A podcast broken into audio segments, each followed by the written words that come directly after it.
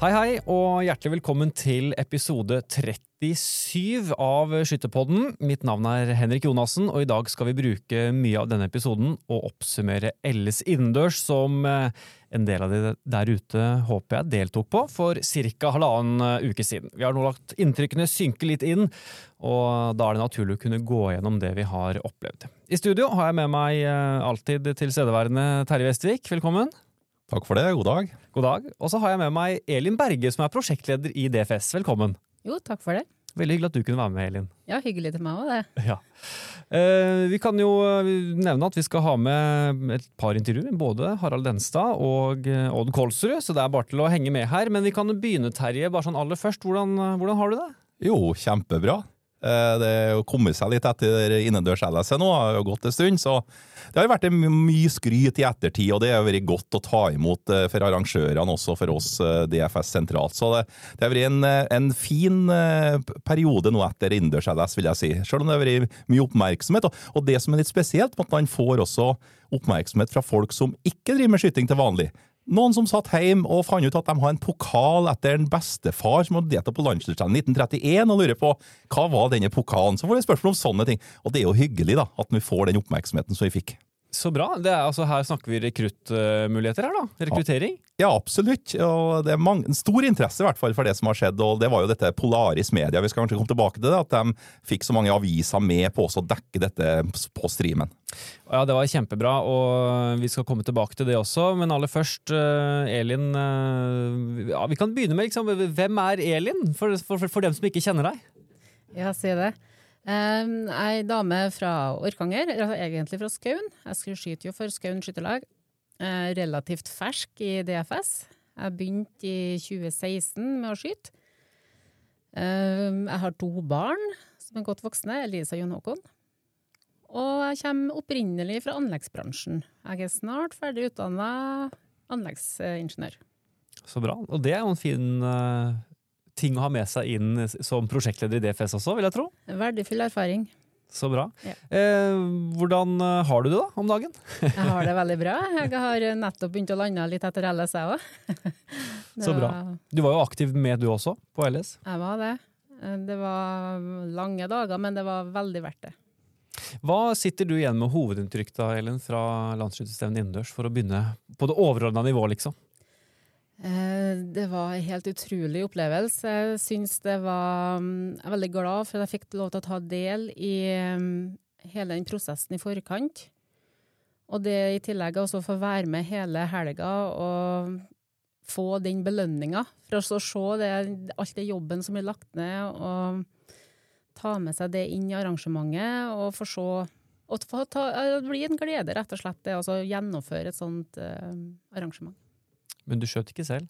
Jeg gjorde ikke det, jeg var påmeldt, men det ble bare jobb i stedet. Det ble bare jobb i stedet. Det, ja. det blir sånn noen ganger. Ja. Eh, og så leder du et veldig spennende rekrutteringsprosjekt i eh, DFS, vi kommer tilbake til litt eh, seinere. Men det, det, er spennende, vi håper at LS innendørs kan være en, en av katalysatorene inn i det prosjektet i Trøndelag. Ja. Ehm, så det skal vi snakke om litt mer mot slutten. Men eh, du sa at du hadde landa litt, eh, Terje. Men eh, hvordan er liksom overskriften for Ellis innendørs fra din side halvannen uke etter? Nei, Overskriften må jo være at dette ble faktisk bedre enn vi trodde på forhånd. Det var jo så mye ting arrangørene og vi hadde planlagt kunne gå gærent, men det var ikke noe av det som skjedde. Og det er jo det beste som kan være det, da, at det var sånn. Men det kan vi ha med oss også til neste år og året deretter når vi skal være på Stjørdal igjen også. Så hovedinntrykket var jo at dette ble veldig bra, og at skytterne fikk nok en opplevelse som de kanskje ikke har trodd på forhånd òg, når de kom inn der og så arenaen og så alt de skulle være med på med innmarsjer og skytinger og spiker. Det ble litt større enn de trodde. Og det var jo litt av mantraet som vi hadde i den hovedkomiteen òg. Vi skal gjøre dette større enn det egentlig er, på en måte. Altså gjøre dette til noe som ble helt unikt som en uh, innendørsstevne.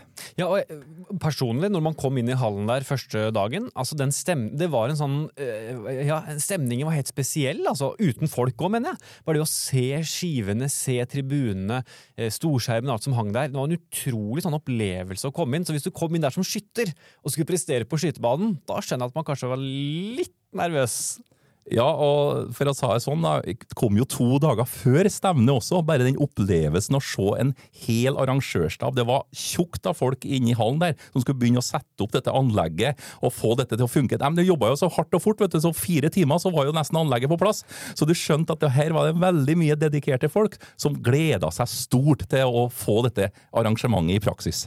Og han som leda hele den gjengen, sånn i praksis kan vi nesten si, da, det var jo kan vi kalle ham stevnegeneral Harald Denstad. Og jeg fikk tak i Harald rett, før, eller rett etter at vi sa takk for oss søndag kveld. Skal vi høre vi hva han sa når han var ferdig med landsskytterstevnet.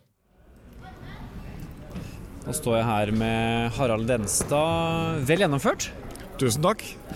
Nå har du vært intensivt i tre dager med selve konkurransedagene og sånn. Hvordan har det vært fra deres side? Nei, vi begynte jo på onsdag, og det har egentlig vært fantastisk siden da. Men stor dugnadsinnsats for å få rigga hallen i løpet av onsdag kveld og torsdag. Og så kom jo deltakerne fra fredags formiddag, og til vi står her nå er ferdig. Jeg må jo innrømme det at når vi sto oppå der og så det første laget komme inn, så ble vi jo nesten sentimentale, flere av oss. Og så liksom den ramma rundt det, og jubelen og ja, hele opplegget. Når de kom marsjerende inn. Ja. Hvordan har dere klart å gjøre dette så bra? Nei, det har vært kan jeg si, god planlegging. Veldig mye diskusjoner. Og diskusjoner fram og tilbake, og alternativ. Og så er det jo da lagene rundt omkring, de fire skytterlagene, som har stilt opp i hopetall, ung og gammel. Men vi har òg knytta til oss folk utenfor skyttermiljøene for å skape litt mangfold. For dem òg har jo mye å bidra med inn i et arrangement. Vi er jo skyttere, vi er gode til å arrangere skytterstevner. Men det kan jo komme drypp fra utant som stiller noen spørsmål. Og det har vi egentlig hatt god hjelp i. Jeg sitter igjen med en følelse av at det er veldig mange som er her, som vil komme neste år, og mange som ikke har vært her, som vil komme neste år. Har dere virkelig satt en utrolig høy standard for et LS innendørs? Det er det vi håper på. da, at Nå har vi satt standarden for det og tatt DFS ett skritt framover mot innendørsskjøtinga. Og vi har jo hørt at folk sitter jo hjemme på, på streamen og sier at her skulle vi ha vært. Vi angrer på at vi ikke reiste. Og vi hørte jo òg at det var en som satt på streamen på fredag, som umiddelbart bestilte seg flybillett og kom nedover. Så nå har dere virkelig satt standarden? Jeg tror og håper det. Hva har vært ditt høydepunkt disse dagene? Nei, Høydepunktet var jo når vi kom i gang på fredag. Det var et av de store høydepunktene. Når vi så og fikk inn første laget. Vi så at alt fungerte. Og klart, det er vanskelig å peke på noe høydepunkt, men klart den siste finalen Ola Five-finalen. Det har vært veldig, veldig stort. altså. Så har det jo masse, vært masse folk på tribunen og alt mulig. Hvordan har dere klart å skape en sånn stemning som gjør at folk vil være her? Vi har jo hatt de maskotene som vi har sett. og De har jo stått og dansa og hoia og fått i gang litt stemning. Og så er det jo òg den arenaproduksjonen. Gode, veldig ekstremt gode spikere. Det skal du ha, sammen med Kristina. Og klart, det har jo bidratt til å fått opp stemningen. Mm og med veldig mye, mye god skyting og jubel. Og det er jo noe nytt innenfor DFS, at vi har publikum som roper og hoier og klapper. ikke sant? Og ja, nei, det Nå er det da ett år til neste gang. Går det an å overgå dette her? Klart vi har jo småting vi kan forbedre, men selve arenaen, den er satt. Og klart vi har jo en del kommentarer på farge på bakvegg og sånne ting, men det er jo småtteri. Så det får vi evaluere. Så og så har det jo gått bra, tilsynelatende. Si, ingen ulykker, ingen sånne store feil. Så det må være litt deilig i etterkant å se det òg? Veldig deilig. Så det er jo liksom skrekken om det skal skje noen hendelser. Og det er jo har jo hatt en dialog med både politi, brann og kommuneoverlege. Og liksom måtte ha hatt en, en, organisasjon som har vært i stand til å tatt hånd om uønska og hendelser. Så vi har jo hatt diskutert gjennom. Og klart det må vi gjøre, for når det er så mye folk. Alt mulig kan jo skje. Mm. Da er det ca. et år til neste gang. da. Hva blir oppfordringen til alle der ute da? Bare begynn å trene og kom og opplev, opplev stemningen, som er helt unik. Med publikum og god skyting. Dere får lykke til med både nedrigg og opprigg neste år. Ja. Nere gikk først nå, så da får vi summe oss litt og ta, begynne å planlegge neste år. Takk for jobben. Takk likeens. Ja, Det var en fornøyd Harald Denstad, må vi kunne si, som forhåpentligvis har fått ned pulsen han nå, etter halvannen uke uten Helles innendørs. Men han nevnte jo mye av det du også snakket om, Terje, før vi hørte intervjuet.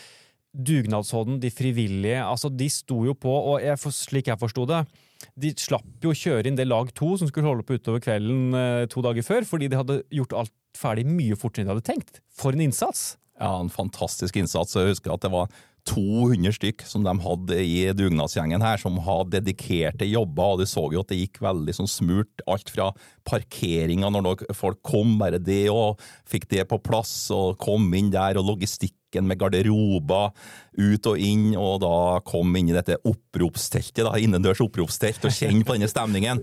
Og du, du så akkurat det også med, med skytterne, bare for å ta den, at de, de ble, det ble LS-stemning ja, på dem, og det så du på blikket deres, sånn de gikk inn. Og Elin kan helt sikkert støye mye om det, hva hun så der. Der var nervøsiteten. Men tilbake til arrangørene. De gjorde altså en, en helt fantastisk innsats og sto på hardt i, i fem dager. Men jeg kan også si at ja, de var litt, de var litt heldige òg, tenkte jeg. De så at det lyste ut av øynene deres. De har jo ikke villet gjort noe annet enn det der å være jobb dugnad denne helga. Og som jeg sa til flere, og flere også sa, Alternativet har jo vært den lørdagskvelden og sittet og se på Melodi Grand Prix fra Trondheim, og det har ikke vært noe bra nei, i forhold til å være i Stjørdalshallen og se på skytterne og oppleve denne stemningen. Nei, Jeg tror det var mye bedre å se skyting og være med på et sånt arrangement. Og så er det det å kunne være med på noe så stort òg, som du sier. Altså, det er ikke bare dette med at det er slitsomt å rigge årene, men du er med på, og spesielt i år, da, et historisk arrangement. Det første Ellis innendørs. Det kommer jo tross alt 1600 skyttere pluss pluss med folk og alt mulig og det blir en så suksess. Det må være utrolig morsomt å være en del av et sånt lag, tenker jeg.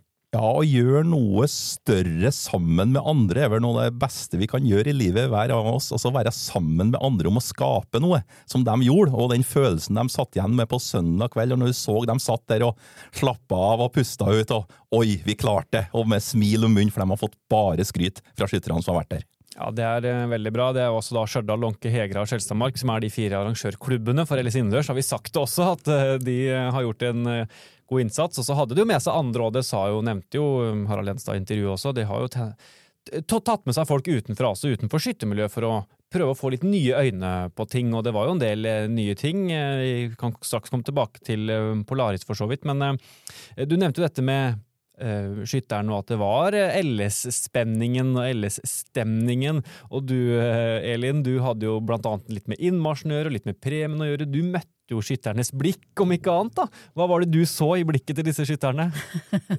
jo, det var jo noen stive blikk, mens det var litt forskjellig reaksjon på folk. Noen var veldig alvorstynga, tenkte på hva de skulle gjennomføre, sikkert. og noen satt og prøvde å flire og spøke bort litt for å få, få ut litt nerver. Men vi fikk jo bygd opp litt eh, LS-stemning da, med innmarsj og maskoter som leder, førte inn lagene og ble klapping og styr. Og det med arenaproduksjon, jeg tror nok at det var med å bidro en del til at eh, folk fikk kjent litt mer på nervene må si det der, altså, det maskotene. Jeg tror jeg må gi Elin æren for den, for det tror jeg hun som kom på på et tidlig stadium at det fantes noen maskoter som gikk an å bruke som brukte i Stjørdalshallen likevel.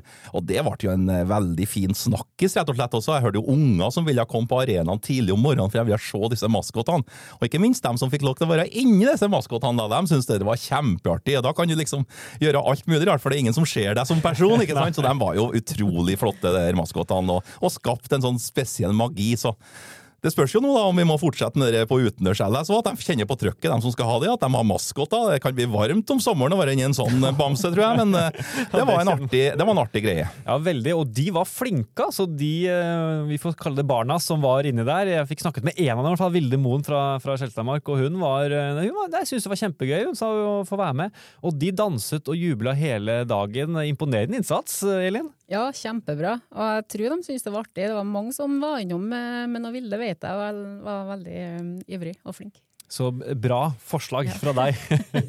Men uh, du som så på skytterne, var det en annen Altså, så du noe eh, annet enn andres evner? Altså, eller var det på en måte den derre LS-nervene du så hos dem? på en måte? Var, eller var det et vanlig, et vanlig innendørsstevne? på en måte? Var det noe annerledes hos dem nå, følte du? Mm, Jeg tror det ble noe helt nytt. Jeg, vet ikke om jeg kan sammenligne helt med utendørs-LS, eller, for at eh, det ble så mye på en gang, og det ble så intimt, og det var publikum som kikka på. Eh, og det å høre hele tida De hører jo spikeren ganske godt, eller så deg og Kristina. Mm. Og da plutselig så hører de navnet sitt, og noen hører ikke navnet sitt. Så det er mye å tenke på der. Kanskje det verste det siste, egentlig. Ikke høre navnet sitt. Jeg må si at jeg tenkte på at vi har lyktes, for jeg så på Kim André Ånestad Lund, ja, som skulle nesten forsvare kongetittelen fra i sommer. Jeg så det på øynene hans, og jeg sa at dette var, dette var tøft nok å gå inn der, når han gikk ut fra dette oppropsteltet, som vi kalte det da. Så det er mulig jeg tolka han feil, men jeg kjente på det at å ja, vi har klart å skape det. Dette er, dette er sterkt. Ja, og Vi så det vel egentlig på resultatene også, fra spesielt innledende skyting. De fleste lå litt under der vi er vant til å se dem, for å si det sånn. Ja, mange sa jo at det blir jo 2,47, vet du. Det må jo bli det. Altså, innendørs uten noe vindforhold å ta hensyn til, med alle disse resultatene som vi ser gjennom sesongen. Det skytes 48, 49 og 50. Men der datt de altså nedpå likevel. Altså, det var jo pessimistene som sa at 2,46 ble med, og så havna vi på 2,45 da, på noen der.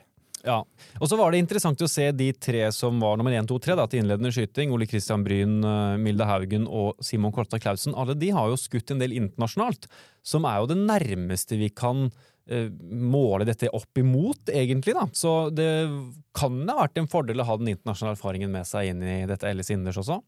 Ja, absolutt. Og så er de jo topptrent eh, idrettsutøvere, da, ikke sant? i forhold til mange i DFS også, så de bør jo også takle dette bra. men eh, vi skal kanskje ikke begynne å snakke om finalene nå, Nei. men det ble jo ganske tøft på slutten til flere av dem også, selv om at det endte godt for en av dem, da.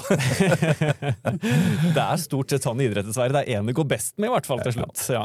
Nei, Vi skal selvfølgelig snakke om eh, finalene, definitivt. eh, Men eh, vi snakket jo om rigget rundt, og du nevnte så vidt Polaris Media, så vi kan egentlig gå inn på det for å snakke om rammen rundt. Her var det altså da Polaris Media som eier en rekke aviser i hele Norge. Ikke så mange på Østlandet, men stort sett resten av Norge, på en måte, som hadde studiosendinger hvor de intervjuet folk. De hadde med seg Simon og Katrine som eksperter to hver av sine dager. Um, reportasjer de hadde laget på forhånd og fikk sendt ut så alle med et plussabonnement kunne se, ikke bare de som kjenner til DFS, men alle andre også. Og det er jo ok, vi fikk ikke NRK, men Polaris Media var en utrolig god erstatning for NRK. Ja, absolutt. Eh, samtidig som at når man eh, skal fortelle den hele historien om hva som skjer fra, fra spikere fra dere, da, vet du, Henrik og Kristina, som hadde den, så var det jo, det jo Comment, altså det selskapet som vi også har på eh, sommeren på Landslagsstevnet, som vi har hatt i mange år nå, som sørger for selve produksjonen. Men så ble det jo altså en veldig bra tillegg at vi fikk med Polaris Media, som da har så mange 60 aviser med seg som sendte dette på stream, og som igjen medfører at de skaper også andre reportasjer fra stevnet. Og spesielt dette med at Adresseavisa, den store avisa i Trøndelag, fulgte stevnet så tett, det var en stor tilleggsgevinst for, eh, for arrangementet, og der fikk vi jo store presseoppslag, ja, som vi ikke har fått selv om vi har hatt skytterkonger fra Trøndelag, så har det vært nærmest en liten artikkel om at du har en skytterkonge, men her fikk du altså en og en halv side om selve arrangementet, om premier, og Elin var stort bilde på framsida og greier, ikke sant, så dette ble gjort stort, altså, så det, det, det var en fin tilleggseffekt for stemning at, eh, at vi fikk med oss Polaris Media. Ja, Du har blitt forsidepike, rett og slett? Ja visst. Hvordan var det? Jo, hvem skulle tro det? Nei, det var en opplevelse. Ja, det er, men det er jo kjempebra, og det er jo viktig òg for øh, å videreformidle og formidle hva denne sporten er, og for rekrutteringens del, og for at flere skal få, få kjenne til den. Og det kommer jo enda mer tilbake til med rekruttering etterpå, da, for å tease det nok en gang. Ja. Eh, og så var det deilig, må jeg innrømme for meg og Kristina, å få litt pauser når det var noen studiostikk innimellom. For det er klart, eh, 14-timersdager er ganske heftig, skal jeg helt ærlig innrømme. Altså. Så en fin avveksling syns jeg som fungerte ganske godt. Men det skal også sies da, at uh, dette ble jo kjempemessig, men sjøl kjenner jeg likevel den er at jeg savner å ha NRK der. For det er den dimensjonen de skaper av oppmerksomhet, den gjør dette mye enda større. Så vi håper jo fortsatt at de skal bite på dette agnet da, og bli med oss på, på også LS innendørs. Og det er klart, her mangler jo kameraposisjoner som de har med skinnekamera som de har utendørs. Mye med produksjon der som uh, ikke var som vi har det utendørs. Men du, du verden, det som ble levert var jo veldig bra altså, av både Comment og, og Polaris kanskje ikke alt på en gang for disse skytterne. At vi først får et nytt arrangement, og så kan vi få skinnekamera på nytt igjen fra forhåpentligvis neste år. da. Ja, vi har litt å gå på der, da, ikke sant? så vi får nå se da hvis vi, vi havner ut. Men eh, det har vært nydelig ja, å fått dette også på NRK i tillegg. Da hadde det gjort det kjempeperfekt. Absolutt, og eh, vi håper vi kan få det med. Vi får gå litt ned i, i skytingen eh, og begynne. Vi kan nesten gå litt kronologisk til verks. Begynne å snakke om den innledende skytingen. og det, Vi snak, har snakka om det mange på forhånd, vi snakket om det underveis, og jeg vil trekke det fram igjen. altså det unike ved skyttersporten kommer jo virkelig fram. Her ligger V73 og rekrutt i samme lag og skyter. Det er jo helt unikt. Det er jo ingen andre idretter vi har, har det. At alle generasjoner kan skyte sammen på samme måte. Er det det? Nei, det er helt spesielt. Og vi hadde jo altså et aldersspenn på 80 år, da. Vi har en, eh, fra niåringene til 89 for den eldste skytteren. Så det, det, det, her fikk vi jo hele spekteret ikke sant, og i hvert laget. Så det, det, er helt unikt, ja, og veldig spesielt med, med, kvinner og menn og gutter og jenter også som konkurrerer i samme klasser. ikke sant. Så det, er herlig å kjenne at man er i en sport som har alle disse dimensjonene. Ja, det er ganske unikt. Og du sto jo på innmarsjen og fikk se både høy og lav og ung og gammel sammen. Det må ha vært et fint syn? Det var et flott syn, og de sendte lure blikk til hverandre. ja, nettopp. Men jeg òg syns det var litt morsomt å se um, når at vi kåra landsmesteren ved 73, f.eks. Den gleden han viste med å faktisk ha lyktes. Samtidig så ser du borti andre rekka en, en uh, rekrutt som står i lag med faren sin og får anvisning, og du ser at begge blir rørt, liksom, og tårene triller, og sikkert har både glede og stolthet. Og, så det er samme gleden da, i begge enden av skalaen. Mm. Mm. Ja, det, det, er veldig, veldig morsomt. Og så var vi jo veldig spent på og det kommer vi også mer tilbake til finalen, kanskje, men spent på dette med spikerne, da. Altså Kristina og meg som skulle prate mens de skjøt. Og det er også ganske unikt, fordi jeg jobber jo en del som spiker i skiskyting også. Og der er det en gyllen regel. Når skytterne er inne og skyter, så kommenterer vi ikke på skytingen. Det er det fak Og da snakker vi verdenscuprenn i Holmenkollen, altså. Johannes Tingnes Bø, du skal ikke fortelle hva han skyter. Eh, da skal de ha fred, og publikum skal følge med og juble om det er bom eller treff, på en måte. Men skytterne, nei, her er det ingen nåde. Det er rett på å snakke om enkeltutøvere utøvere, og om det er opp eller ned og ut og sju Og én ting er hvis du hører at du treffer tieren, men når du hører at det ble en sjuer Det er utrolig tøft, eh, må jeg si, som vi har utsatt dem for. Ja da, og det er mange som kunne ha tenkt seg at det var sånn som du skal si Holmenkollen på skiskyting, sånn sett, men uh, da hadde det jo blitt veldig tamt. Da var det lite gjort til det, Henrik. Bare sittet og sett på og kommentert resultatet etterpå. Nei, så dette er jo en, en, en, en effekt av dette her, da. Litt spesielt selvfølgelig at de får eh, skytinga si direkte og kan få den på øret, for de skyter jo serier og innledningsvis, da, ikke sant, så vet de ikke helt hva de har, og så hører de fra spikeren, og så får de påvirke av det. Så, så, det er klart at dette, dette var tøft, det var det ingen tvil om at det var mange som kjente kjente på. Det så man jo på noen av resultatene også. Ja, utvilsomt. Og så er jeg jo eh, overraska over, i hvert fall foreløpig, at det ikke har kommet så mange klager på det. Eh, og det er jo bra. Det er positivt, tenker jeg, at skytterne tenker nei, men det er noe nytt. Det må vi bare akseptere på en eller annen måte. Og så gjør de det. Og jeg syns det var overraskende mange positive tilbakemeldinger, tross alt, da. For det kunne jo vært mye negativitet rundt dette her også. Ja, men, men, så var det jo ikke helt altså Det var jo bevisst dette ikke snakke om de yngste skytterne ikke sant, under serien og sånn, og beskytte noe, da. Men når de har passert eh, 16 og 17 og 18 år, så sa vi jo det at det, da er det bare fritt fram å prate om det dere ønsker å prate om, sånn sett. Men dere har jo en sånn indre tenke, dere òg, at hvis dere kjenner, ser at det er noen som sliter mye, så trenger dere ikke å snakke noe mer om dem, for å si det sånn, da. Så dere var jo veldig forsiktige med noen sånn, og det var jo veldig bra at har sånne hensyn også. Ja, vi prøvde i hvert fall på det. Så var det interessant. Vi, vi, Vebjørn Berg ble jo også intervjuet i etterkant, så vi snakket litt med ham òg. men han sa jo det at han satt jo og hørte Eller han endte jo opp med å høre hva vi snakket om Synnøve, dattera, for de skjøt jo i samme lag. Og det gikk som han sa, det gikk litt utover min ståendeskyting òg, faktisk. For én ting er å sitte og høre sine egne resultater, men å faktisk sitte og lytte til hva andre skyter. Det samme var jo Råde-familien fra Ford. Der var det jo far og to sønner som lå i samme lag, og de hørte at det var en, en Råde som skjøt bra, men hvem var det meg, eller var det pappa, eller er det bror, liksom? Det er utrolig artig, da, men litt distraherende, kanskje. Vi gikk jo på oss en ting når vi holdt på å sette opp uh, der for å rigge opp, og så så at disse skjermene som vi viste til publikum, de gikk jo gjennom, så lyset var jo fra andre sida. Jeg visste jo, men å ja, det går faktisk bare å snu seg her, så ser du serien din speilvendt. Men jeg tror ikke det var veldig mange som benytta seg av det.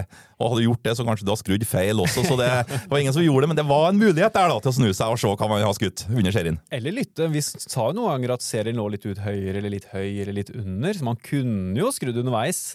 Det er litt risky kanskje da, å skru på hva spikeren sier, men, ja. uh, men, sjansen, altså muligheten var jo der, da. Ja, den var jo for alle, da, kan du si. Det, dere snakker jo ikke om alle, dere heller, ikke sant? så denne var jo for alle. Det gikk an å snu seg og sjekke litt, men det er klart, da bare utsetter du deg sjøl for enda mer press, antallet. En annen ting som eh, vi merket oss, var jo at det var jo naturlig nok veldig mange som lå i samme lag. F.eks. samme familie, samme skytterlag, sånne ting. Og da sitter man da og enten hører på hva spikerne sier om familiemedlemmene sine, og så samtidig får du ikke med deg skytingen live fra familiemedlemmene. Tror du at vi neste år kommer til å se at folk velger ulike lag, slik at man slipper å skyte i samme lag, eller blir det en greie at det er gøy å skyte samtidig? Ja, Det er gøy å skyte samtidig. og så her skal man si at Dette var sikkert også litt mer til randstevnene. De for sammen ikke sant? og på disse stevnene uten, uten, ja, rundt omkring. Lånke, og det var jo flere som hadde stevner. Eh, så det blir da et spørsmål kanskje neste år. Jeg tror kanskje du kan få den effekten som du sier, for at jeg tror flere ønsker å være mer i Stjørdalshallen og følge med det som foregår. For det var så artig å være der at de nesten litt angra på at de skulle skyte alle stevnene rundt omkring, for de ville jo egentlig være på LS-arenaen, ikke sant. Så det er mulig med enda mer som vil være der over tid neste år, når de ser så hvor fint det var i år. Og det var mange som ble lenge. Jeg merket meg det selv. altså På innledende skyting langt ut på lørdagskvelden. Det satt masse folk i, i hallen. Over, åpenbart selvfølgelig noen som fulgte sine egne. Men det var en god, fin stemning eh, lange dagene, Elin? Det var absolutt det. Jeg ble gledelig overraska over hvor mange folk som satt der og kikka på hele dagene. Det var jo helt fullt. Mm. Ja, som sagt, eh, Melodi Grand Prix klarte ikke å slå dette å sitte der. Så det var jo på lørdagskvelden. ikke sant? Folk heller satt heller der og så på skyting. Så neste år så er det bare å legge Melodi Grand Prix til en annen helg, rett og slett. Så slipper de å konkurrere med oss, for da kommer de til å tape uansett. Um, vi beveger oss sakte, mot sikkert inn mot finalene, og da må vi innom Ola Five-skytingen. Denne skytingen vi snakket om så mye om på forhånd. En helt ny øvelse oppkalt etter selveste pre første presidenten i DFS, Ola Five. Eh, fra, han er fra Steinkjer, er han ikke det opprinnelig? Ja da. Ja, så han er fra vi kan, kan si, eget program, vi kan, ha eget program om Ola Five, ja, da blir jeg gjerne med på. Det, ja, da. Så, så, da blir det blir to episoder, tror jeg. um, fem skudd på raskest mulig tid, og vi skjønte jo ganske fort at du må skyte 50, så spørsmålet hva blir grensa på? Aller først, Synes du Ola Five-skytingen ble vellykka? Ja, jeg synes det ble kjempeartig, og det ble jo en snakkis også. Folk sier at dette vil de skyte mer, og kanskje for Vi skulle ha det på sommeren, og så sa vi nå her på Landslagsrennet utendørs. Altså. Dette kan nok bli mer om. og Dette var en skyting også som du så at det var veldig mange som gjorde det bra fra ulike nivå. ikke sant? Der var det om å være litt heldig med de fem skudda, og være kjapp nok, så var du nesten i finalen, eller du var i finalen. Så dette ble en uh, veldig suksess, vil jeg si. altså. og det det er veldig mange som tenker på tida da, å skyte fortest mulig, men her skulle man også skyte 50. Så enkelt sagt så kan du si at dette er jo 50 poeng med rangeringsregelen, som er da kortest mulig tid, og ikke innertiere. Eh, så det var veldig mange her som brukte litt ulike taktikker, og det så vi også i finalen, ikke sant, hvor fort du skjøt. Men tempoet var høyt, da. De, de gambla på. Så eh, det er kanskje det skjer andre taktikker neste år, og dette utvikler seg også som, eh, som en liten øvelse, da. Ja. Ja, vi hadde jo da fra tre forskjellige, nei, fire forskjellige klasser. Det var flest femteklasseskyttere, det var det. Men vi hadde tre eldre juniorer, én fjerdeklasseskytter og en fra eldre rekrutt. Så det er jo faktisk en øvelse som Jo, vi er jo vant til å se det fra andre eh, typ litt felthurtig og, og stang også på, på LS på én måte, men som favner samtlige klasser. Ja, og det var jo mange andreklassinger også, som var helt oppi og nært å komme til finale. ikke sant? Og det er jo kjempemorsomt å få en sånn øvelse. Og vi hadde jo faktisk en eldre rekrutt mot Vear i semifinalen. altså Åsmund Askim kom jo helt til semifinalen. Og det, For det er én ting du kunne tenke ja, han skjøt fort nok på innledende når presset ikke var så stort, men kom seg gjennom åttendelsfinalen, kartfinalen og helt til semifinalen. Og der ble han slått av han som vant. Imponerende av Åsmund Askim også. Ja, helt imponerende. Det er veldig morsomt, dette effekten der. Og at du får unge mot eldre som skyter, og erfarne. og Det er jo stor opplevelse å skyte da en kamp imot Hans Christian Wehr. Det var jo krivlende og voldsomt, ikke sant? Og jeg er imponert også den overgangen, når du har skutt 25-skudden, og du er ferdig med det. Og vi brukte jo lang tid, vi, spikerteam òg, de første lagene. Så bare Å ja, det er Ola Five først, ja! Det er ikke et nytt lag. Altså, det, den, den, den lå ikke inne automatisk. Så jeg lurer på om det var en del skyttere som også fikk seg noen overraskelser. Jeg vet ikke om dere opplevde det som var mer nede på arenaen? Ja? Ja, Det var kanskje ikke alle som har fått det med seg, liksom, den skytinga. De har ikke tenkt over at den skal gjøres, at det kom med en gang og ikke noe prøveskudd. og sånne ting. Så, men nå vet de i hvert fall til neste år, og det er sikkert veldig mange som vil trene mye mer nå enn hva de har gjort eh, til årets øvelse. Slenger du deg med for å være med i Ola Five-skytingen neste år, Elin? Helt klart. Helt klart. og så vinner jo Hans Christian Vear. Det er ikke overraskende, det. Det er jo en fryktelig god skytter, på en måte, som også er kald i hodet, åpenbart. Men han innrømte det. Det, var, det kokte godt under lua når han lå i finalen. Ja, det er klart at det gjorde det for, også for han, men det, det beviser jo at det, at det ikke er helt tilfeldig skyting heller. da, så det er veldig bra det når vi snakker om alle disse som kan ha sjanse til å vinne. Så eh, er det noe med å møte Hans Christian Vear, tror jeg, i en duell. Du blir litt sånn satt ut av det, så han har nok litt pondus med det. og Han, han fikk jo en forkiling også, han kasta ut et skudd og måtte ha til et nytt skudd, men han berga seg likevel. og det, Sånn er det jo med vinnertyper. Det er absolutt det. Og han var jo veldig positiv til eh, skytingen, Ola Five. Han var litt negativ på forhånd. Eller hadde vel ikke tenkt så mye på det, kanskje. Og så kom han dit, og så vinner han jo. Det er klart, Da er du jo fan av en øvelse du vinner, naturlig nok. Men han snakket jo også om det som du òg nevnte. Dette er noe vi kan ha på andre stevner gjennom året også, og ha, få mer innarbeida i eh, kan du si, DFS-modellen.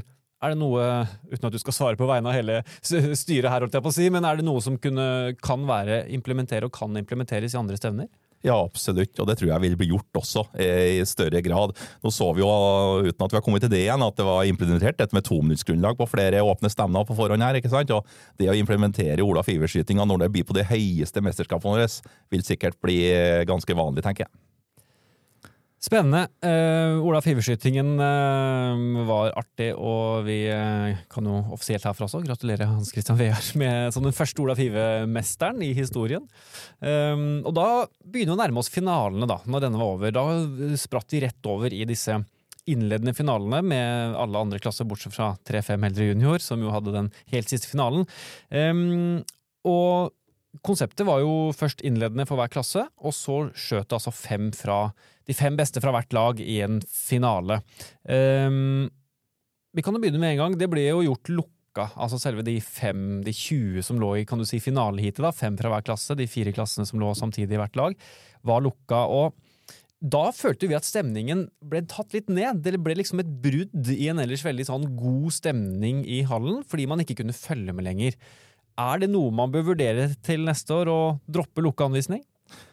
Ja, Stevnet skal jo evalueres, og jeg er helt enig med deg at denne søndagen den er tenkt mye på etterpå. Mange syns den var veldig vellykka, og den var jo på mange måter vellykka med disse finalene. Men her er det nok noe vi kan se på å endre for å skape mer stemning i salen, tror jeg vi kan eh, trykke mer på. Og kanskje ble det litt for seint, da. Det gikk for eh, lang tid, og vi ble litt sånn, kanskje litt leie av disse, noen av disse finalene. Selv om at det, det var et sånn greit trøkk, så tror jeg det går an å, å vinne enda mer og skape enda mer stemning og ha det artig på, der, eh, på, den, på den søndagen. Og jeg vil også si at lagskytinga var en fantastisk greie, så vi var gjennom den også. At det var en herlig stund vi hadde der. Klart det begynner klokka åtte om morgenen. Folk er kanskje ikke helt på hugget, så kanskje lagskytinga var litt sånn for tidlig, men noe må jo begynne også. ikke sant? Så hele den tidsplanen og gjennomføringa må vi evaluere, men jeg syns det var en, var en god start da, på mange måter å komme i gang med dette der, og som endte med dette tominuttsgrunnlaget til slutt. da. Mm. Ja, vi har ikke vært innom lagskytingen eh, for så vidt, som jo gikk veldig i ett, da, fra innledende rett over til eh, finaler. Så finalene var jo tross alt litt, litt utpå formiddagen, så folk hadde rukket å spise frokost da, for så vidt. Men, eh, men det også ble jo en veldig spennende øvelse. Ja, Veldig spennende øvelse, denne lagskytinga. Jeg tror det var veldig, veldig sånn lagbyggende òg, at folk kunne stille med så mange lag de ønska også. Så det, det så ut som de hadde veldig moro lagene sammen også, da, og kjent på denne spenningen eh, for hver skytter som skjøt. Og det bygde jo seg opp da, til de lagene som gjorde det veldig godt. Og kom til denne finalen da det var ti lag igjen. Da ble det nok veldig trøkk på de tidene som skulle skyte. Trykk, det er kanskje noe vi kan eh, snakke mer om. Eh, Nå skal ikke vi foregripe dette med lukt eller åpen anvisning for disse mm, klassene før 3-5, da, men det må jo også vurderes. Skal f.eks. rekruttene måtte skyte med åpen skjerm? Altså Vil det bli et for stort press på dem, f.eks.? Hva tenker du? Ja, nei, det, igjen, en evaluering og en vurdering på det. Jeg tror vi er er enig, mange vil nok være enig i at det er greit fortsatt å ha lukka skjerm innledningsvis, selv om dere snakker til det at det, DFS er å skyte serier. Det er det vi gjør i DFS, og han skal liksom konsentrere seg om de skuddene han har, og ikke stå og se på en skjerm mellom skuddene. Men så er det til finalene, da, om hva som passer best for også på publikum, da, ikke sant? Også skytteren sjøl kan man tåle å, å følge med på. men men på denne lagskytinga har vi også den siste skytteren da, som skjøt på, på åpen skjerm, og det var jo en eh, veldig morsom greie, det også. da. Mm. Du er eh, god på å ikke foregripe foregripe begivenhetene. I hvert fall eh, evalueringen skal vi gjennom, Terje, så det er bra. Ja, og det er, flere, det er mange som skal være med i den evalueringa, så det kan jeg ikke gjøre sjøl. Du skal slippe å stå, stå, til ansvar for evalueringen her og nå i dette studioet her, men eh, det er mye som skal evalueres. Vi har nå kommet til finalen i vår kronologiske rekkefølge. Da snakker jeg om den 35 eller juniorfinalen, hvor de, hvor de skjøt to og to. Eh, de 20 beste. Og når vi har snakka om trykk, vi har snakka om spikere og vi har snakka om publikum Nå snakker vi trykk. Nå er det to som er frampå, og alle følger altså Det er jo litt i lagskytinga og var litt i samme ånd, for så vidt, da, tross alt. Men det er litt av et press de sto for, ble utsatt for, disse finaleskytterne, er det ikke det? Jo, de kjente nok veldig på det, og kan jo si til deg, Elin, igjen, og du så dem vel at de var, var litt prega av når de skulle gå inn, tenker jeg? Ja, merka det. Ja. Hvordan, var, hvordan var de? Altså, var de helt i sin egen verden, eller hvordan var det de reagerte når de skulle inn til finalen? Husker du det? Mm, de var nok ganske konsentrert og fokusert på det de skulle gjøre og gjennomføre. Litt nervøsitet tror jeg det var i garderobene òg, men eh, ja. Skulle nesten bare mangle, tross alt. Ja, når du skal skyte finale. Ja, det er, ja, det, er det er jo fint for en breddeskytter å se, da. For jeg, eh, jeg skjøt ikke sjøl, men jeg har jo lagvenner som er, skyter samme klasse som meg.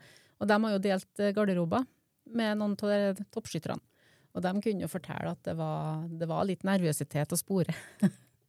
Det er jo deilig å se at selv de beste, altså, i hvert fall i DFS-sammenheng, og de beste er litt nervøse, de òg. Mm. Det er jo fint for en breddeskytter å se det, er det ikke det? Jeg syns det er veldig fint. For eh, vi kan være ganske nervøse. ja. ja. Og, og, du kan si at vi kan synes litt synd på dem. Og noen mente at ble det litt for tøft for dem, der de så at det var resultatet helt ned på 90 poeng. Jeg syns ikke det var gærent i hele tatt. Jeg syns alle klarte seg veldig fint. Der, selv om vi er ikke vant til sånne resultater. Vi er vant da, i hvert fall fra finalen på 75 sekunder liggende. De ligger 99 og 100 alle sammen. Men dette der var jo en helt annen øvelse nå. og Jeg syns alle klarte seg helt fint i denne finalen, selv om det var et stort trøkk. Og for å si det sånn, de som ikke var i finalen, har nok heller kunnet tenkt seg å vært i finalen enn de som var her. Så jeg syns ikke synd på dem som var i finalen, sånn sett, altså. Jeg møtte blant annet Rasmus Løberg som var der, og absolutt han heller ville være der enn å stå og se på han. Det var sikkert artig, det, men så det er noe med det òg, at dette tror jeg også skytterne vil lære seg etter hvert, da. Uh, uten at jeg skal foregripe det eller hvor han havner ut til slutt. men det å, å, tåle en sånn finale. Men, men, men, det er klart at de har en fordel, de som er topptrent, som vi snakka om i stad. De har mer erfaring i pressa situasjoner enn, enn noen av dem som kanskje kom i finalen med litt mindre erfaring. Da. Men som sagt, jeg syns alle kom hederlig fra den innsatsen.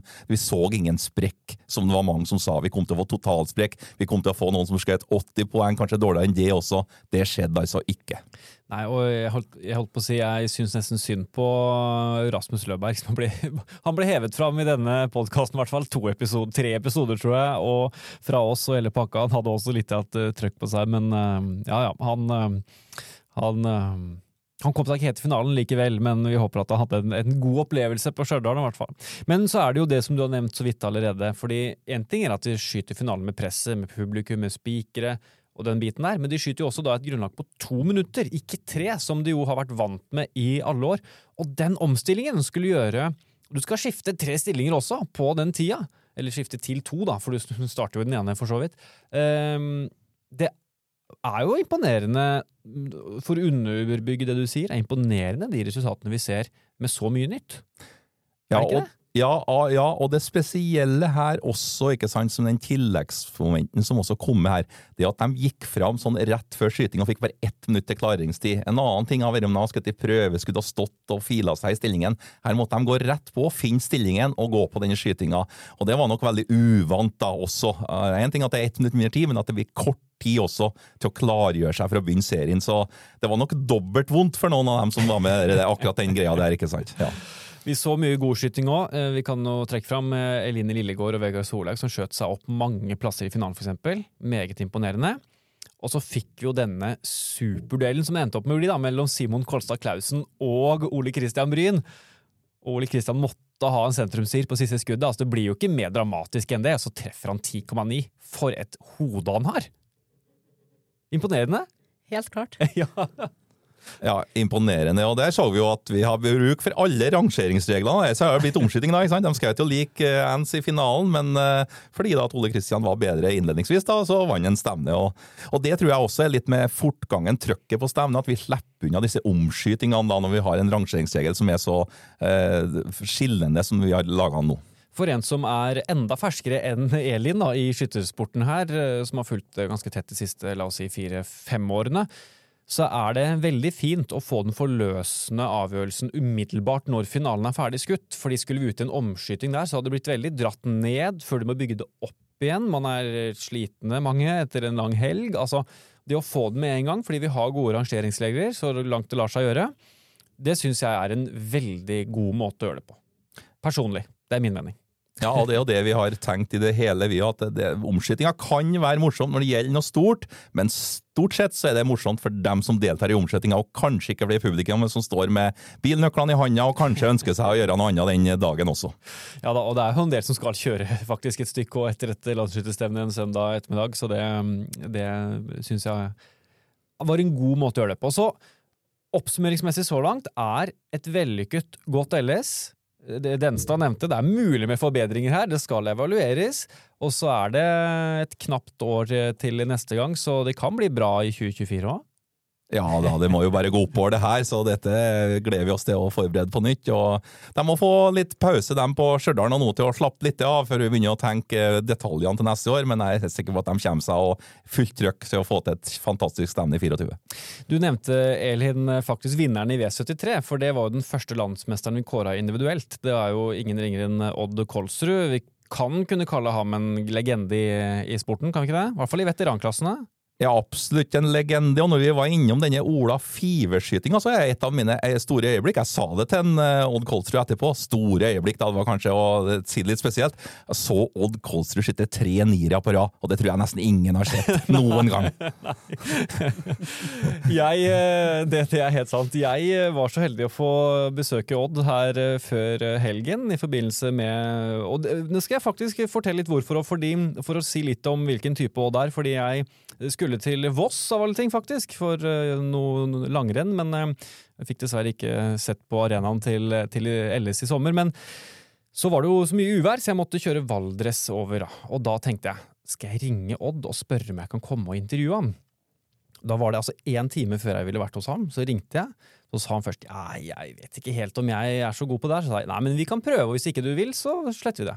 Ok, da, så setter jeg over kaffen, sa han. Han drikker jo ikke kaffe, da, så det slapp han. Men uh, poenget var, altså på én time, så 83 år gammel Kolsrud, han stilte opp, og vi fikk en veldig hyggelig prat, uh, for så vidt. Og så fikk jeg altså fem minutter hvor han snakker litt om Ellis innendørs, og litt om andre ting også. Vi skal høre fra Odd Kolsrud. Jeg får begynne med å gratulere som landsmester. Hjertelig takk. Det var en opplevelse som jeg kommer til å bli Jeg føler at det var veldig koselig å klare å prestere såpass nå. Ja, Hvordan var det å være i Stjørdalshallen og skyte? Eh, det var jo veldig kan vi si, intimt. Det at det blir så komprimert eh, stevne med publikum og alt som eh, der er. Veldig fint. Du har jo ganske mye medaljer i premieskapet ditt. Hvordan rangerer du denne seieren her? Eh, den er vel ikke helt på topp. Den første, det er den første seieren på landsskytterstevnet i Målselv. Det er nok den som var gjevest å få. Og den hadde du trent mye til òg, den i Målselv? Den, den uh, trente jeg godt til før, forut, ja. Hadde to omskytinger og presterte der. Hvordan har du forberedt deg, eller hvordan forberedte du deg inn mot uh, dette LS innendørs, da? Ikke noe spesielt det, men jeg har skutt i alle stevner jeg har klart å kunne være med på.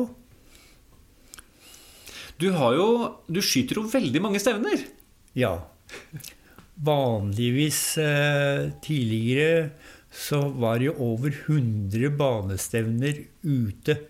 Kan si vanlige banestevner, i tillegg til ja, kanskje en 50 50-60 innestevner og litt felt òg, da. Og du skjøt nesten alle. Jeg skyter alle jeg klarer å komme ut på. Og det er de fleste, er det ikke det?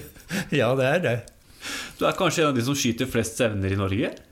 Jeg har vært oppe i 177 stevner totalt. Med litt matchskyting i tillegg. Det, holdt på å si, Hvordan får du tid til det? Nei, det, det er, eh, kan bli helger med sju-åtte stevner. Og du sitter mye i bilen? Sitter mye i bilen og kjører eh, mye. Faktisk kjører jeg inn på 45 000 km i året. Jeg tror det er veldig mye. Men får du trent noe imellom alle disse stevnene? Nei, det er trening, det. Og disse her stevnene, det Jeg føler det sånn at da må du gjøre alt riktig. Eh, stevne, hvis du skyter stevne, så prøver du å prestere og gjøre eh, jobben du skal gjøre. Eh, under trening så da er det ofte det Sånn som det var tidligere, da jeg trena nå, så tenkte på spesielt på å ligge og holde rolig gjøre ordentlig avtrekk, men nå kommer det mer automatisk. Så du har på en måte den der stevnetreningen inni du da, når du kommer til sånne nye ting som Stjørdal f.eks.? Det, det er det. Det blir sånn. Ja. Um, det er jo mange som vet at du har vært gjennom en sykdomsperiode. Du har blitt uh, behandlet for kreft bl.a. Hvordan har det vært å komme tilbake etter det? Det kroppen er jo satt litt tilbake, men eh, skytemessig, når vi får lagt noe ned, så eh, føler jeg det at jeg klarer å prestere. Sånn som jeg gjorde før. Det er godt å høre, Odd. Hvordan blir liksom våren og sommeren framover nå for deg, da? Sånn skytemessig? Ja, det håper jeg får eh, Nå blir det en del feltstevner utover. Blant annet så skal jeg prøve å få med meg de stevnene som er på hovedcupen. Og så er det så fort banestevnet begynner, så er det å reise ut på de. Så det er liksom eh, Opplegget er klart. Og LS på Voss, det er du klar for? Den er jeg klar på. Den ligger eh, nok inni der. Så det, det blir moro, for det var første eh, seieren min i V73. Var på Voss med dobbeltseier i banefelt. Så du skal prøve å gjenta det da, nå i august? ja, det er litt så litt, men eh, å gjøre så godt en kan. Er du klar for et nytt LS innendørs neste år, da? Det er jeg klar for. Det var jo kjempeflott arrangement. Så helt på avslutningsvis her, hvordan, eh, Du skjøt jo veldig bra. Du var best i finalen nå, faktisk. 100 med 7. Det var to som klarte det. Ja. Hvordan klarte du å holde roen i alt dette styr og ståk og alt mulig? Nei, det er å fokusere på det du skal gjøre der og der. Komme inn i den bobla. Og liksom prøve å lokke vekk alt det som er rundt. Blant annet men jeg hørte eh, kommentarene fra Spiker. Nei, men det gikk bra. Jeg klarte å mestre det. Gratulerer med seieren, og takk for praten. Hjertelig takk for at dere kom.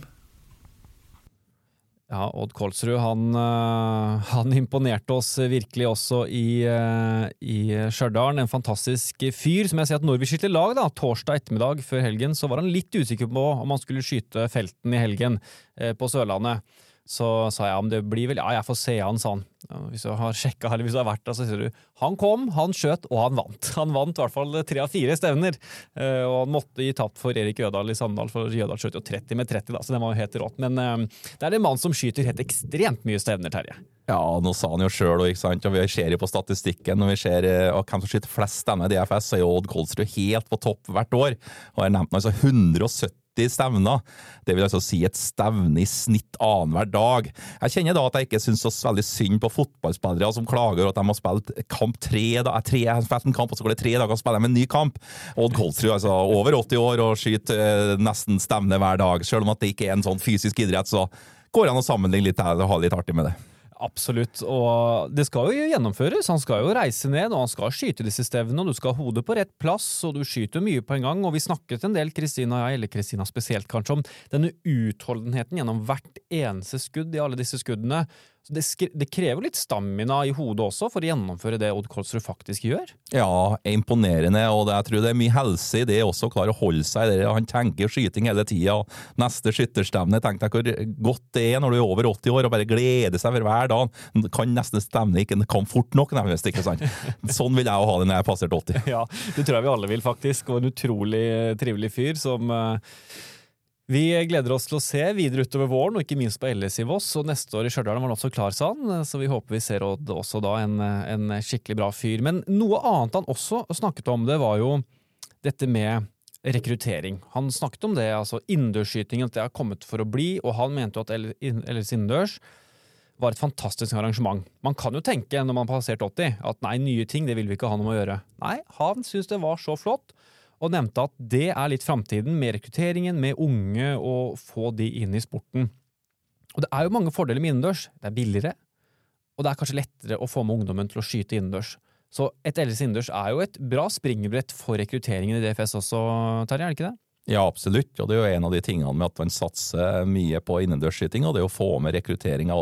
Det du snakker om pris, er det i hvert fall helt sikkert her snakker vi om en pris som er en tiendedel av utendørs. ikke sant? Nå gjør vi jo tiltak for å prøve å få ned den kostnaden der også, men det er klart at det er tiltalende på vinterstid å gå inn og skyte med 22, og det er en, den viktigste rekrutteringsarenaen vi har.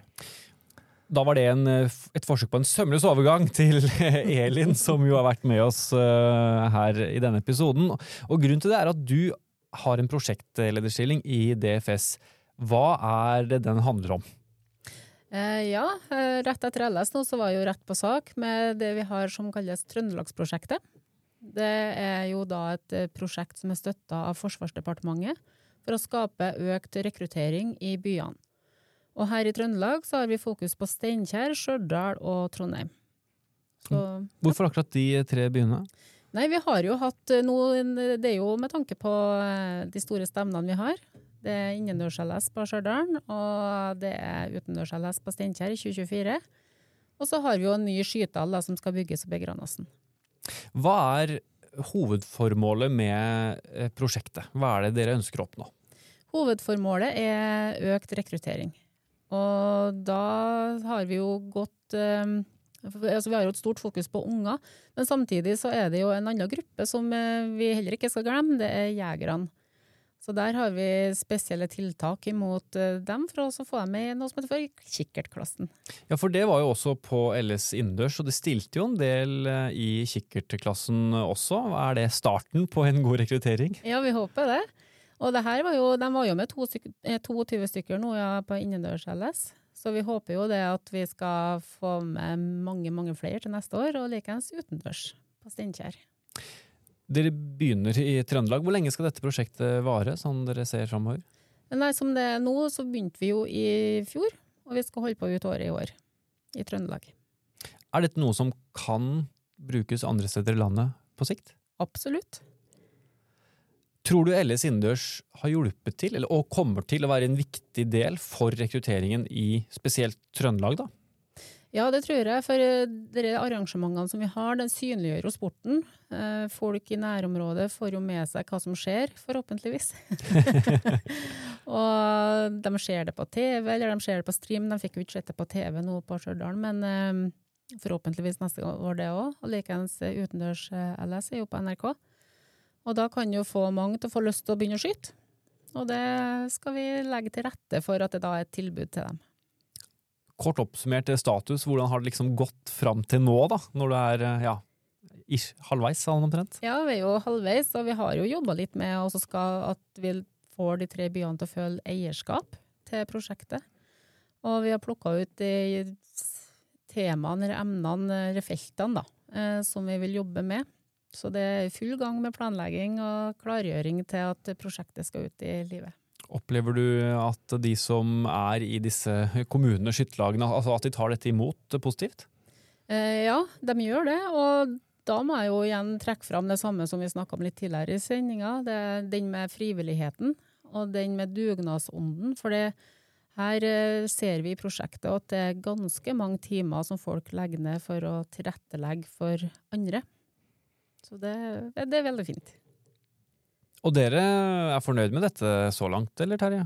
Ja, kjempemessig. Dette har vi veldig tru på. Det begynte jo med noe som vi har Oslo-prosjektet først, og så ble jo dette ført over da, til, til, Trøndelag med at det stemte så godt, da, som Elin sier, med LS innendørs, LS på Steinkjer, og dette anlegget oppe i Granåsen, nå hadde jo denne smøreboa som de skal på, eh, på dette ski-VM i 25, som skal gjøres, da, gjøres nesten om da, til, til skytebane, da, som blir klar nå neste år til, til skyting også. Det er jo et kjempepotensial i Trondheim, da, som er en storby, å få dette flotte anlegget oppe i. Og så, som Elin også nevner, så har vi også tru, stor tro på det med, med jegerne, da, kikkerklassen som begynte nå. Det blir første gang også nå utendørs til sommeren da i Voss.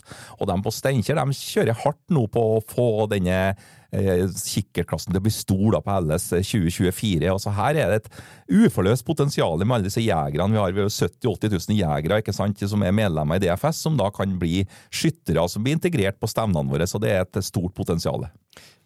Mm, du snakker om Oslo-prosjektet, Trøndelagsprosjektet. Kan det bli et eh, Bergensprosjekt, et eh, Molde-prosjekt, et eh, Bodø-prosjekt? Ja, absolutt, og det ønsker vi oss. Men eh, det som også, igjen, som Elin sa, er at det er viktig at de føler eierskap sjøl, og at de tar initiativ sjøl. Så da vi jo, ønsker vi jo det at det flere melder seg på nå ser erfaringene som vi nå har gjort både på Oslo-prosjektet og Trøndelagsprosjektet, og at dette kan videreføres til nye, store byer for å få denne effekten. Og vi lærer jo, vi også, av å gjøre dette her. Elin har lært mye av Osto-prosjektet, og vi lærer også av Trøndelagsprosjektet, så dette er også noe da som, som Forsvarsdepartementet støtter veldig opp under at vi også skal drive rekruttering i de store byene, og der vi har størst potensial for å få med flest mulig til å, til å lære seg god våpenkultur, da, som er liksom DFS' hovedformål. Ja, for det var egentlig oppfølgingsspørsmålet. Hvorfor er det viktig med rekruttering inne i DFS, utover at vi ønsker mange eh, deltakere på LS?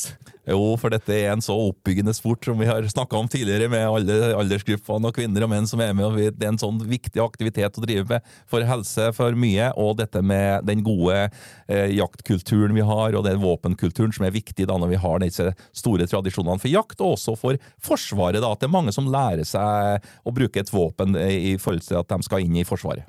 Du er jo ganske fersk inn i DFS selv, Elin. Bruker du litt av den eh, veien inn som eh, erfaring nå? Ja, jeg gjør det. Jeg tar jo med meg min vei inn i DFS eh, for å sette meg litt inn i deres eh, Hvordan vi kan legge det til rette for dem. Nå ble det mye, ble det mye eh, jobb på deg da, i Stjørdal, så du fikk ikke skutt. Skal du skyte på LS utendørs? Jeg skal jo jobbe der òg, men jeg håper at jeg får tid til å skyte. I klasse to? I klasse to. Jeg er en breddeskytter, og jeg trives utrolig godt med det. Det er en veldig fin klasse å være i Snakker seg litt ned nå, for jeg tror jeg så en som, var, som ble landsdelskretsmester i klasse 2 i feltskyting i vinter. Så uh, hun har nok større ambisjoner enn det å vise her nå. Så felten, ja, felten blir bra. Vi, vi, kan håpe. Vi kan håpe. Og det, det, jeg har glemt å snakke om, eh, Terje, som vi kan ta avslutningsvis da, her, eh, for å lande tilbake Ellis innendørs, som det er en oppsummering av denne episoden, egentlig. Du kasta deg på i åpen klasse, og vant.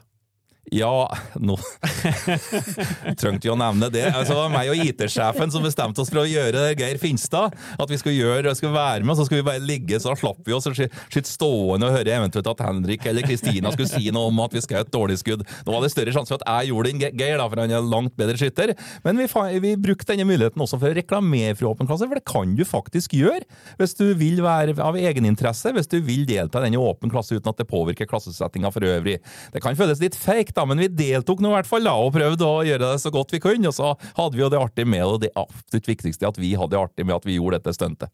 Og det er det som jeg føler oppsummerer ganske bra. Det skal være artig å være på Ellis innendørs. Jeg tror det var artig for veldig mange, og vi har jo hørt veldig mange som var der, at de vil komme igjen neste år. Og så har vi hørt veldig mange som ikke var der, som gjerne vil komme igjen neste år, fordi det så så morsomt ut å se på streamen. Så um, jeg tror oppfordringen herfra er gitt. Det er bare til å legge seg i hardtrening for alt som er av uh, korte grunnlag Olav Hiverskyting til Stjørdal i 2024. Absolutt. Vi oppfordrer alle til å gjøre det, og det er bare å trene, så, man, så kan man kanskje bli vinner neste år, da, vet du. Så håper vi at det kommer en del nye som er rekruttert inn, Elin også. Lykke til videre med Trøndelagsprosjektet. Jo, tusen takk for det. Og så tror jeg bare sier eh, takk for nå, og så høres vi snart igjen på Skytterpodden.